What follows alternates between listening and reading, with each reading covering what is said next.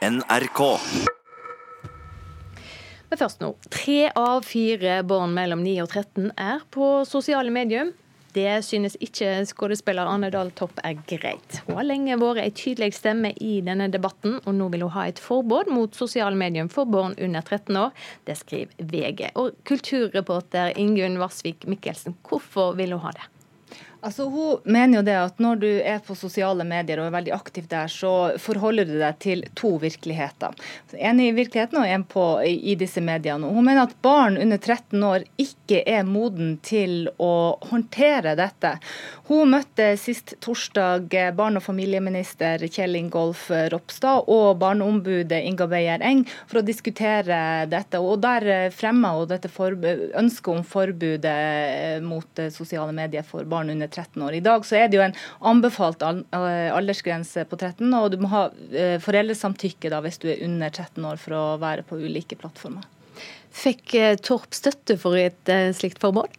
Nei, hun gjorde ikke det. Altså, hun, de deler jo bekymringa hennes, men Barneombudet mener at det er på en for naiv måte å håndtere det på. Hun vil forberede barna på å klare å, å, å håndtere livet i sosiale medier, og vil ruste de og gi dem kompetanse på det. Eh, mens ministeren han fremmer foreldreansvaret og mener at foreldre bør bli mer aktive i barns liv på sosiale medier, og at de også må tørre å si nei. Han mener at barn under 13 ikke bør være så mye på sosiale medier. Ikke så lett alltid, kanskje akkurat det. Takk skal du ha, Ingunn Vassvik Mikkelsen. Nå til ei sak som kanskje mange har fått med seg i løpet av helga. Vi i NRK har fortalt om 24-åringen Simen som lever av å drikke seg full via videostrømmetjenester Twitch. Seerne hans donerer penger for at han skal holde fram med å drikke i ei såkalt fyllestreaming. Gamerne sjøl mener fyllestreaminga er viktig for de som sliter sosialt, men rusorganisasjonen Aktis er skeptisk til at alkohol og penger er i fokus. Jeg tenker jo at det er en veldig tankevekkende reportasje. Det er mange barn og unge som er storbrukere av YouTube og, og Twitch også. Eh, og her får de servert eh, et innhold som viser at alkohol er veldig ufarlig og, og morsomt og uproblematisk. Generalsekretær Pernille Huseby i Aktis jobber for å redusere skadene ved bruk av alkohol. Hun er bekymret over at direktesending av alkoholdrikking har blitt populært på videostrømmetjenesten Twitch. Her får vi en ny en fra Nick Laukå. Tre subscribere på rad med en gang vi åpner streamen. Det er deilig. Deilig, ass. Skål, folkens! Håper dere koser dere i kveld. For Simen Stubbom Nordsvenn sender hver fredag direkte ut til over 17 000 følgere, mens han drikker alkohol via sin kanal på Twitch. Og det er denne direktesendte drikkingen Huseby mener unge ikke nødvendigvis har godt av. Og vi er bekymra for om ungdom ser på dette som en inspirasjon på hyppighet og måte å drikke på, som vil eh, kunne gi dem utfordringer ut fra at de tåler mindre, og at de har mindre kjennskap til sine egne grenser. Men også at de, de lettere kommer i farlige situasjoner når de drikker.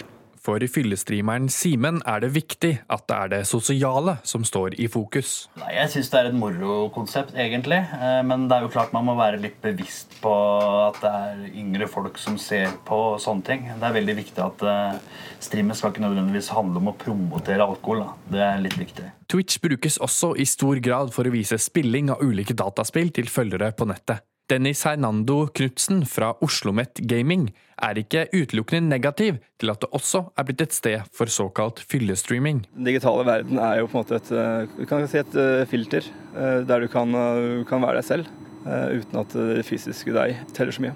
Knutsen mener Twitch kan være viktig for de som sliter sosialt, og at det kan skape et fellesskap for de som trenger det. Så Man skal ikke stikke under stol at folk som gamer eh, kan ha sosial angst eller ha handikap som gjør at de ikke kan gå ut i den virkelige verden, som vi kaller det, og, være seg selv. Her eh, kan man få en plattform eh, som man kan bli kjent med uten egentlig Du kan ikke trenge å sikre om hodet. Og det er veldig lett for folk som kan føle seg utstøtt i det daglige livet, som har gått på skole og da møter de samme personene igjen og igjen og aldri kommer inn i et miljø, og komme inn da i et nytt miljø med blanke ark og endelig få seg noen venner eller folk å snakke med. Også Sean William Bråten fra gamerforeningen Uniplay er enig i at Twitch er et bra sted for å finne et fellesskap. Han mener fyllestreamingen ikke er et stort problem, så lenge de involverte er bevisste på sitt ansvar. Eh, når det kommer til drikking generelt, så er det jo viktig at man selv tar ansvar for sine egne grenser. Og jeg veit at Twitch også har retningslinjer på slike ting, så jeg syns jo at det er veldig bra at det har utviklet seg slik det har gjort, så lenge Twitch også tar ansvar, og enkeltpersoner. Pernille Huseby i Aktis forstår at Twitch kan være flott for personer som sliter sosialt, men mener at det burde vært noe annet som sto i fokus. Det er mange mennesker i, i sårbare situasjoner, som, altså, med ensomhet og vanskelige familiesituasjoner, eller hva man sliter med i livet, så er kanskje ikke alkohol det du skal ty til, men vet at det kan forsterke problemene heller enn å løse det. Flott med fellesskap, men det hadde vært veldig fint å se det uten at alkohol og det med pengene kobla til det eh, skal være så sentralt for å være del av fellesskapet. Ja. Den som var reporter her, det var Petter Pettersen og Øystein Tronsli Draveløs. I går var det Hedda-priser, og årets forestilling eh, var en av prisene, kanskje den gjeveste.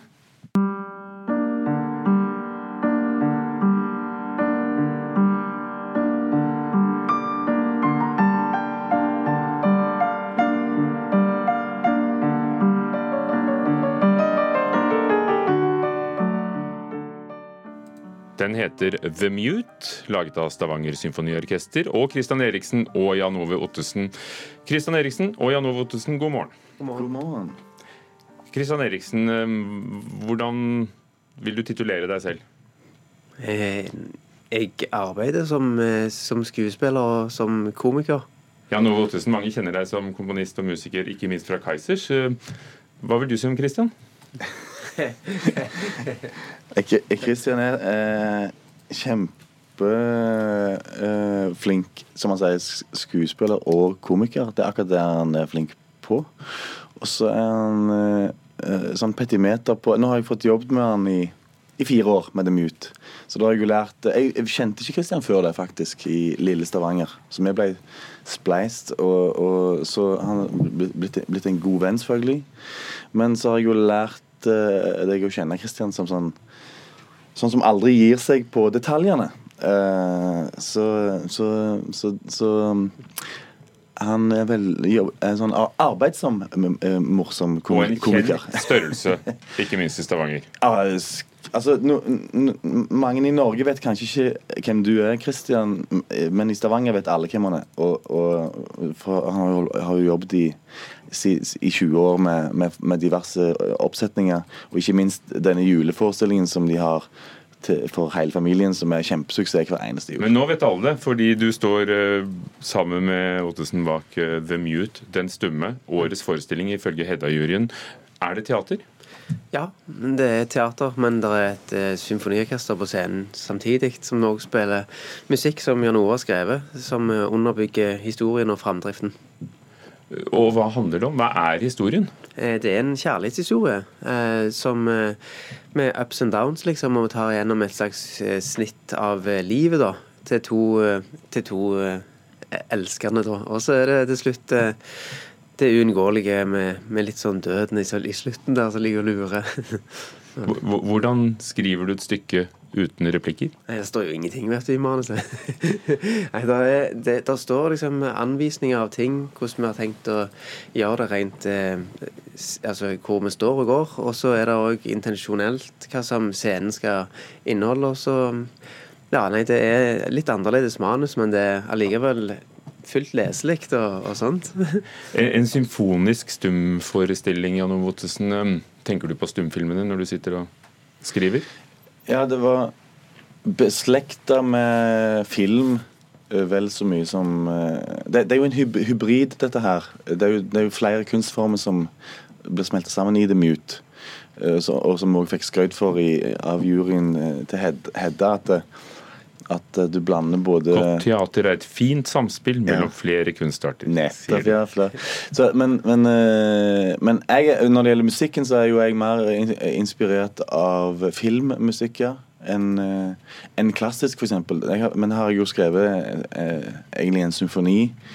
Eh, men som ikke er inspirert av uh, historien innenfor sym, det symfoniske verket. Det er mer inspirert av film og visuell kunst og, og pophistorien Hvis du ser altså 50-, 60-, 70-, 80-tall videre, de, de altså fra Beatles og sånn opp til nå, som jeg hører på, som jeg er inspirert av.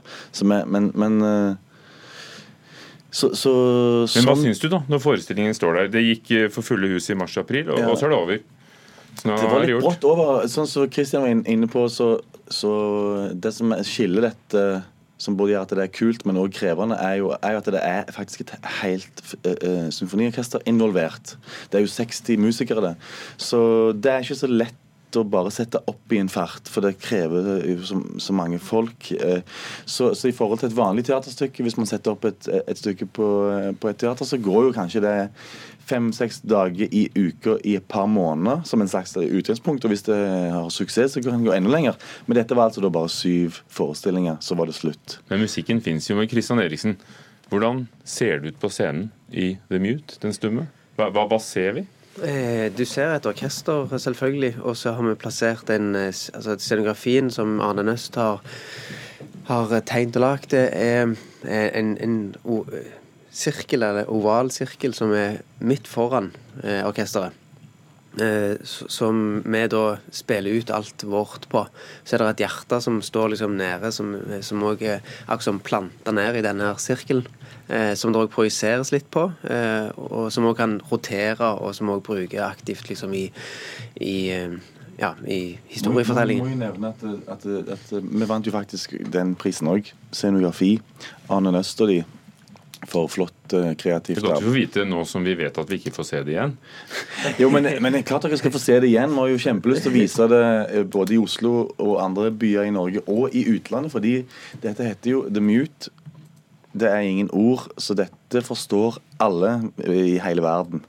Det er veldig bare menneskelig. Så, så vi har absolutt eh, ambisjoner om det. Og det var jo så gunstig å vinne prisen for beste forestilling. Eh, da er det eh, bitte litt enklere å selge inn til f.eks. Kres, kres, Kresne Oslo. Takk skal dere ha, Kristian Eriksen, Jan Ove Ottesen, eh, som laget sammen med Stavanger Symfoniorkester The Mute, Den stumme, årets forestilling ifølge Hedda-prisen. Og vi holder oss til teater, denne gangen virkelighetsteater på Vega scene i Oslo. 'Manning er fri' er et stykke om den amerikanske etterretningssoldaten og varsleren Bradley Manning.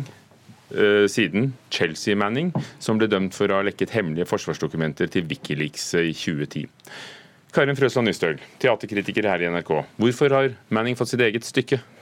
Ja, altså, Selve norgespremieren har jo sammenheng både med Pride, som er i disse dager, og Dramatikkfestivalen, som gikk i helga i Oslo. Eh, og det er jo et stykke som er blitt aktualisert gjennom Julian Assange og alt som har skjedd med han i det siste. Men dette er egentlig et stykke som ble satt opp i Danmark i fjor. Det er laga av Anders Budde Christensen, en dansk skuespiller som da sjøl spilte Manning da det ble satt opp på Mungo Park i Danmark. Eh, han har møtt Manning, og det han ønska var å fortelle Bradley eller Chelsea Mannings historie. For Hvis jeg sier Bradley Manning til deg, så tipper du får bildet i hodet som handler om en soldat, som handler om lekking av dokumenter, og som handler om kjønnsskifte. Men denne forestillinga går bak dette her. Den leter etter historien til Manning, forteller den. Leter etter motivasjonen for alle valgene Manning tok, for lekkinga, for alt. Og det som stykket liksom hamrer inn, det er eh, Manning sitt mantra, på en måte, om likeverd, om menneskeverd, om, om det å kjempe for det som er sant, og tenke at det er riktig. Det er det jeg skal gjøre. Og sånn høres det ut på scenen. Bradley er en sekking.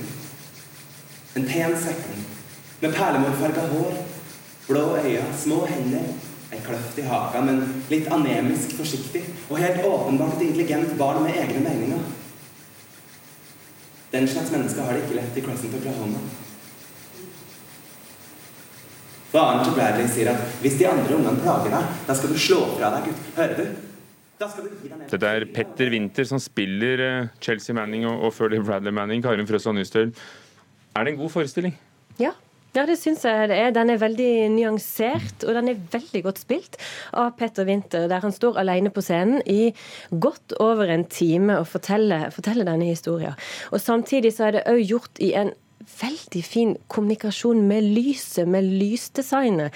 Eh, lyset er med på å drive historier framover i disse de skiftene de har, og hvordan de bruker lysrigget, som er den eneste scenografien, egentlig. Det er veldig fint å se hvor stor driv det kan være i godt Altså fortellerdriv, som det kan være i godt lysdesign.